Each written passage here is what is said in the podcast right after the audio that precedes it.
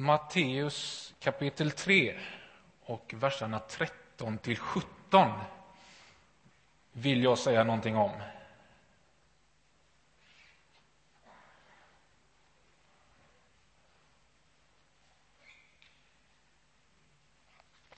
Och då är vi på sidan 678. Matteus evangeliet kapitel 3, vers 13 till 17 låter så här. Sedan kom Jesus från Galileen till Johannes vid Jordan för att döpas av honom. Men Johannes ville hindra honom och sade det är jag som behöver döpas av dig och nu kommer du till mig. Jesus svarade låt det ske. Det är så vi skall uppfylla allt som hör till rättfärdigheten. Då lät han det ske. När Jesus hade blivit döpt steg han genast upp ur vattnet. Himlen öppnade sig och han såg Guds ande komma ner som en duva och sänka sig över honom.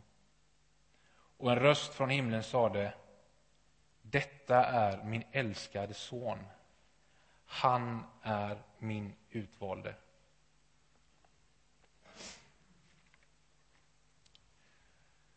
Tänk att det vi ser och lukten vi kan känna och det vi kan höra eller det vi känner kan påminna oss om en tidigare upplevelse. Det vill säga, det vi upplever just nu påminner oss om något som vi upplevt tidigare. Ett eh, resebolag körde lite på det temat en kampanj här för, eh, reklamkampanj för något år sedan om att en, man, en man satt framför en väldigt stark lampa på vad jag antar var hans kontor, hans arbetsplats. Och, och, och, så blev han påmind om solen, om den semestern han hade varit på. Och så var är det någonting så här, semestern varar länge. En, en, en bild av att den här starka lampan gjorde att han mindes hur underbart det var på semester med den fina solen. Och med hjälp av minnet så har vi förmågan att lagra erfarenheter som gör det möjligt för oss att känna igen. Och när jag hör en duvas kokoande, eller hur man nu beskriver deras ljud så påminns jag om en tid då Therese och jag bodde i Lund. Och av någon konstig anledning så hade duvorna fått för sig att runt vårt hus var en fin plats att bo på. Och ibland kunde vi vakna av just det där kokoandet. Och de gillade visst att kokoa på morgonen, något som Therese verkligen uppskattade. Men så går vi tillbaka där i texten, i Jesu dop. Jesus går från Galileen, får vi berättat, till floden Jordan för att döpas av en man som hette Johannes. Och Jesus han bodde i den tiden i en stad som hette Nasaret, som låg i Galileen. Och för att gå till floden Jordan, beroende givetvis vart någonstans längs floden, men det var i alla fall en promenad på minst tio mil. Det är en ganska rejäl promenad.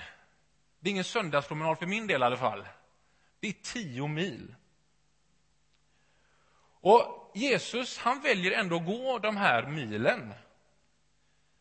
Jag tänker mig att han vet om vem han är, om att han är utvald, om att han har något väldigt speciellt, en speciell roll, något att göra här på jorden.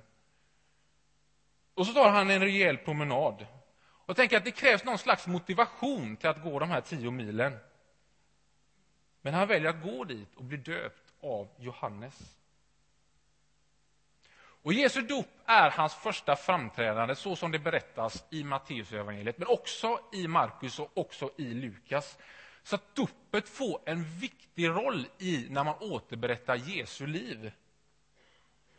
Och Det är lite intressant att evangelisterna har valt att ta med den här berättelsen som faktiskt skulle kunna vara provocerande för det budskap de vill föra fram, först och främst med evangelierna. De vill föra fram att Jesus är Messias, Guds son, den utvalde, Gud själv, den osynliga Gudens avbild. Och så väljer de att ta med en dopberättelse när Jesus, denne osynliga Gudens avbild, blir döpt av en annan man. Och Jesus dop sker i ett sammanhang av stor rörelse, av folkrörelse kan man nog tala om.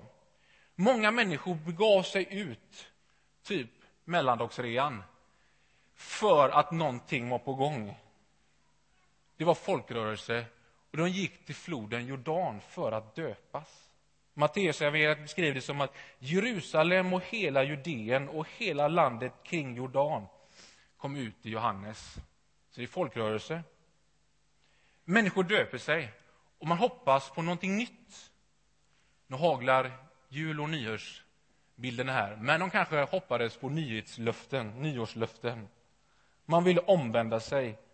Man vill vända sig om och leva på ett nytt sätt. Det beskrivs att man bekände sina synder och döptes och hoppades på att leva på ett nytt sätt. Och Johannes, som fick smeknamnet Döparen, han uppmanade till det nya livet. Och det nya livet skulle få konsekvenser i sättet man levde. Det skulle bära frukt. Bär frukt som hör till omvändelsen, var hans budskap. Men i denna rörelse så talar också Jesus om en annan. Att det ska komma en man efter honom. Och Johannes, som drog denna folkrörelse, han menar sig att han själv inte ens var värd att ta av sandalerna på denna man som skulle komma. Och om jag har förstått det rätt så var det liksom ett väldigt tydligt tecken på att smutser, eller fötter var något väldigt smutsigt, ta av sandalerna. Han var inte ens värd det. Och han sa att den som skulle komma efter honom skulle döpa i helig ande och i eld. I dina, denna döpar och omvändelserörelse är det Jesus vandrar till. Det är dit han beger sig och önskar att få bli döpt. Och så sker följande. Att Johannes försöker hindra Jesus från att bli döpt. Han säger, det är jag som behöver döpas av dig och du kommer till mig. Och om vi går tillbaka lite i tiden så tror jag vi kan förstå Johannes reaktion. Varför han säger som han gör. Man vet inte exakt hur väl Johannes kände Jesus. Om de var nära kompisar, det vet vi inte. Men att Johannes kände till Jesus, det är nog ganska givet. För Johannes mamma och Jesu mamma, de var släkt. Och Johannes mor Elisabet hade fått besök av Maria när hon var havande och det hade skett ett under. Och jag tänker att det här hade nog Johannes fått hört talas om under sin uppväxt, om den där Jesus som var i Marias mage.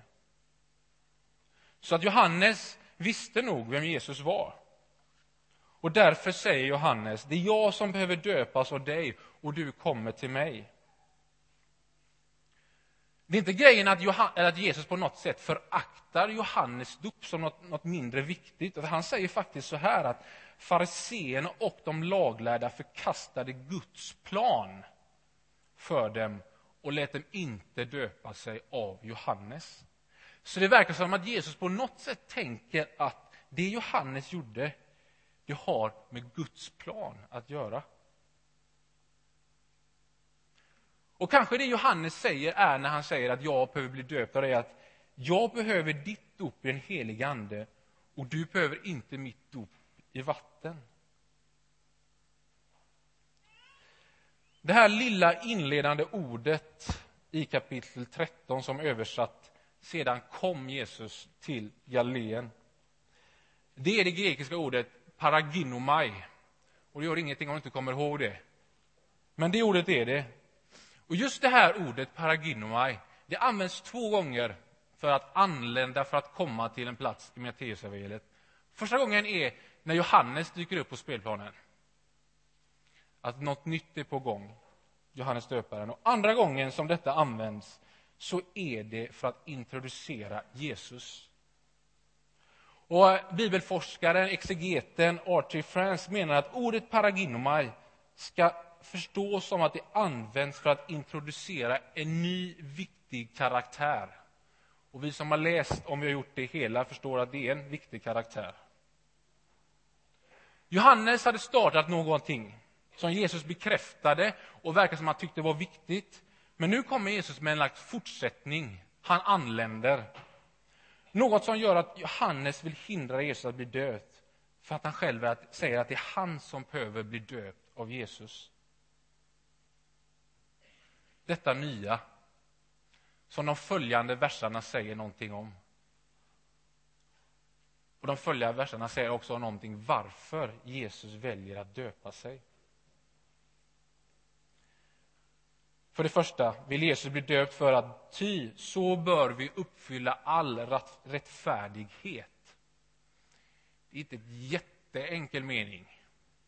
Ty så bör vi uppfylla all rättfärdighet. Jag ska säga någonting vad som kanske menas med just den meningen.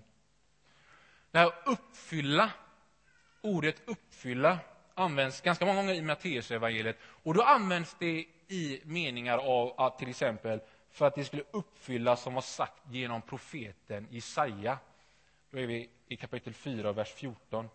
Så man använder ordet uppfylla för något som redan har sagts genom Guds ord, genom profeterna.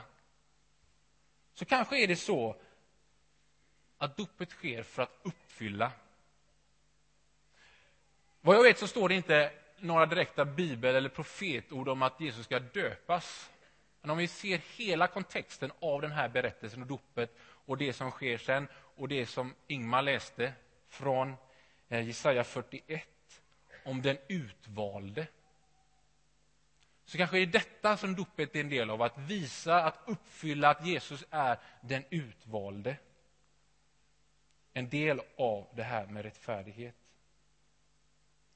Ordet rättfärdighet tolkas och syftar ganska ofta på att det är ett liv enligt Guds lag.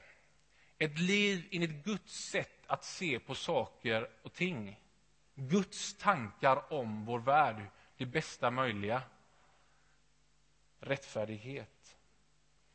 På engelska så, så har det översatt det här, den här meningen all that is required, required of us. Alltså som krävs, som förväntas av oss. Så att i den stora berättelsen från Gamla testamentet så uppfylls någonting som är sagts för länge sedan när Jesus döps. Och jag tänker också för att förstå den här lilla delen, eller den här viktiga delen av att Jesus döps, så behöver man se det i helheten av Jesu uppgift. Vad var det han gjorde? Vad var det han gjorde som den osynlige Gudens avbild? Och Något som har hjälpt mig, och som man ofta återkommer till när man tolkar och förstår Jesus, det är ett suveränt eh, ställe i Filipperbrevet 2. Filipperbrevet 2 och vers 6 till 11. Och det är på sidan 184, 100, 844 är vi då.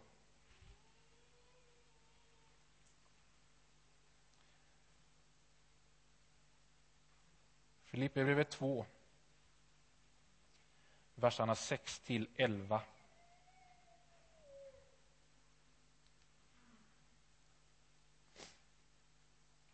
Han, alltså Jesus, ägde Guds gestalt men vakade inte över sin jämlikhet med Gud utan avstod från allt och antog en tjänares gestalt då han blev som en av oss.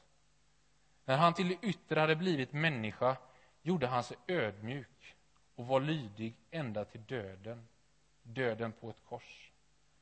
Därför har Gud upphöjt honom över allt annat och gett honom det namn som står över alla andra namn för att alla knän ska böjas för Jesu namn i himlen, på jorden och under jorden och alla tungor bekänna att Jesus Kristus är Herre, Gud Fadern till ära.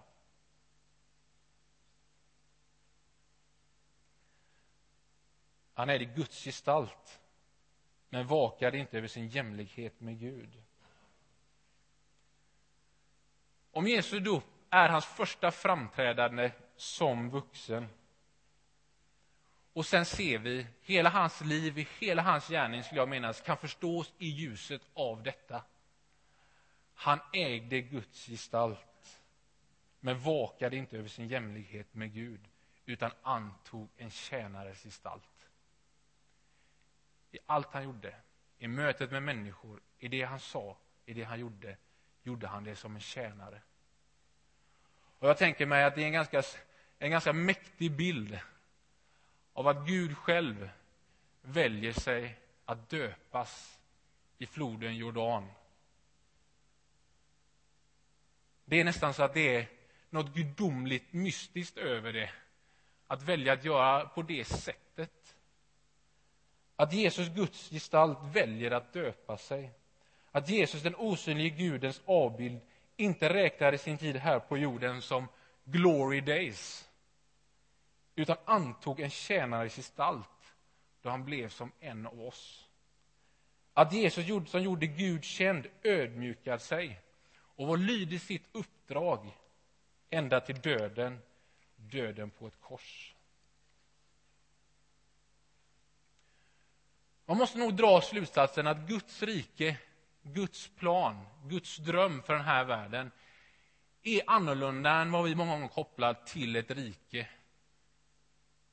Om kungen själv gick före, han visade vägen och visade vilka värderingar som skulle prägla Guds rike utifrån den här bibeltexten, så är det ju tjänande. Det är ju ödmjukhet. Och jag tänker att detta ser vi redan i Jesu dop. En tjänandes gestalt. Och här kanske vi kan börja se hur Jesus börjar att uppfylla all rättfärdighet och vara lydig ända till döden. Och Gud upphöjde honom. Och orden om att en dag ska alla knän böjas och bekänna Gud Fadern till ära att Jesus Kristus är Herre. Och så står det, då lät Johannes det ske. Och när Jesus hade blivit döpt steg han genast upp ur vattnet och se, himlen öppnades och han såg Guds ande sänka sig ner som en duva över honom. Och en röst från himlen sade, denne är min son, den älskade. I honom har jag min glädje. I folkbibeln och i 2000. Denna är min älskade son, han är min utvalde. Och se och hör. Detta hade ju verkligen varit något att skriva i Se och hör. Nej, ni inte med mig på den.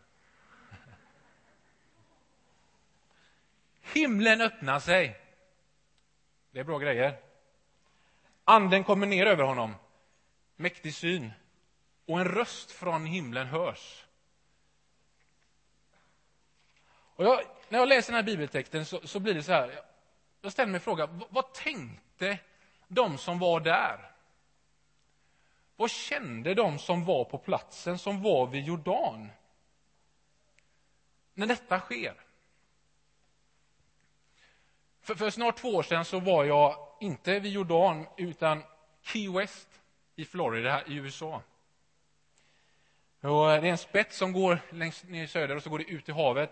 Och längst ner på den spetsen som ligger i Key West, och den här platsen är, är väldigt känd för att det är väldigt vackert att se solnedgången på den här platsen. Och, och där satt jag med familjen plus, ja, inte många, men väldigt många amerikaner som var pensionerade. Där satt vi och åt key lime pie och tittade på solnedgången. Och det kom många goda betyg från de amerikanska pensionärerna om upplevelsen. Och de var ganska högljudda med det. Det var amazing. Det var wonderful. Det var beautiful. Och så var det awesome. Orden haglade över hur fantastisk den här upplevelsen var. Medan jag och familjen vi mer satt och begrundade och var en tyst svensk förundran över denna solnedgången. Och det var en häftig upplevelse. Men om vi läser den här texten så ställer jag mig frågan, vad kände de här människorna när de såg hur Jesus blev döpt, hur anden kom över honom Och de hörde rösten. Var det amazing? Var det awesome? Var det wonderful? Var det beautiful? Eller var det bara tyst svensk förundran? Och så funderar jag hur de resten av sitt liv gång på gång måste bli påminda av den här berättelsen. Om det nu var en duva eller om det bara är ett bildspråk för att skriva att någonting fantastiskt hände när anden kom över honom så måste det ändå varit, om det var en duva eller någonting annat som gjorde att de blev påminda om den här upplevelsen de var med en dag vid floden Jordan. Jag menar, om vi fungerar så att vi blir påminda om saker, om vi har haft starka upplevelser, så blir det lite då och då saker som vi blir påminda om den upplevelsen. Blev de det? Jag tror det. Och nu kanske du funderar, vad, vad vill han ha sagt med sin predikan? Och Det jag helst skulle vilja, det är att vi kan se den bilden. Att försöka föreställa oss den dagen vid Jordan. När Jesus blir döpt, när han stiger upp, anden kommer över honom och rösten hörs. För vid den här floden så blir det gudomliga uppenbarat. Det gudomliga blir beskrivet. Det gudomliga blir närvarande. Och det blir gudomligt tydligt på något sätt. Det är Gud själv. Det är Gud Fadern genom rösten. Det är Gud Sonen genom Jesus själv. Och det är Gud Anden, den heliga Anden, som en duva. Treenigheten som vi talar om. Vid en flod. Och Jannes hade startat någonting som Jesus bekräftade och tyckte var viktigt, men nu kommer Jesus med en fortsättning. En fortsättning som kan sammanfattas i begreppet Guds rike. Det är ett rike som finns idag, där Guds vilja får ske. Det är en berättelse som fortsätter. Jesus uppstod från döden på ett kors och sände ut sina efterföljare. Och för dem som vill, på grund av Jesu liv, kan bli en del av det riket. För varje människa som tar emot Jesus har fått löftet om att de ska få bli ett Guds barn. Och Guds, Faderns röst från himlen säger att du är mitt barn. Du är älskad och jag gläds över dig. Med Johannes ord, det är jag som behöver döpas av dig. Och så döper Jesus med den heliga Ande. Jesus ger den helige Ande åt dem som tror på honom. Den helige Ande som vill hjälpa dig att leva med Guds rike i blicken och riktningen för ditt liv. Rörelsen fortsätter och skall fortsätta. Till sist. Om du ser floden Jordan det är massa människor i rörelse. Det är folkrörelse. Jesus döps. Han stiger upp. Himlen öppnar sig och du ser anden sänka sig ner över honom. Och du hör en röst från himlen som säger Denne är min son, min älskade son, den utvalde. Om du försöker uppleva det, om du skulle se, om du skulle höra om du skulle känna, vad gör det då med dig? Precis där du är, precis som ditt liv ser ut nu. Vad gör det då med dig? Amen. Vi ber. Herre, vi gläds över, över dig. Att du antog en tjänares gestalt. Att du visade en vacker väg att leva på. Att du, Jesus, levde på vår jord. Tack för att du döpte dig. Helige Ande, tack för att du sänkte dig. Fadern, tack för din röst. treenigheten. Vi tackar dig för att vi får äran, om vi vill, om att tron får göra oss och ge oss rätten att få vara ett Guds barn. Att vi får ta emot den heliga Ande som hjälper oss med blicken och riktningen mot dina tankar, mot riket som är ditt. Och med rösten som säger även till oss om att vi älskar älskade.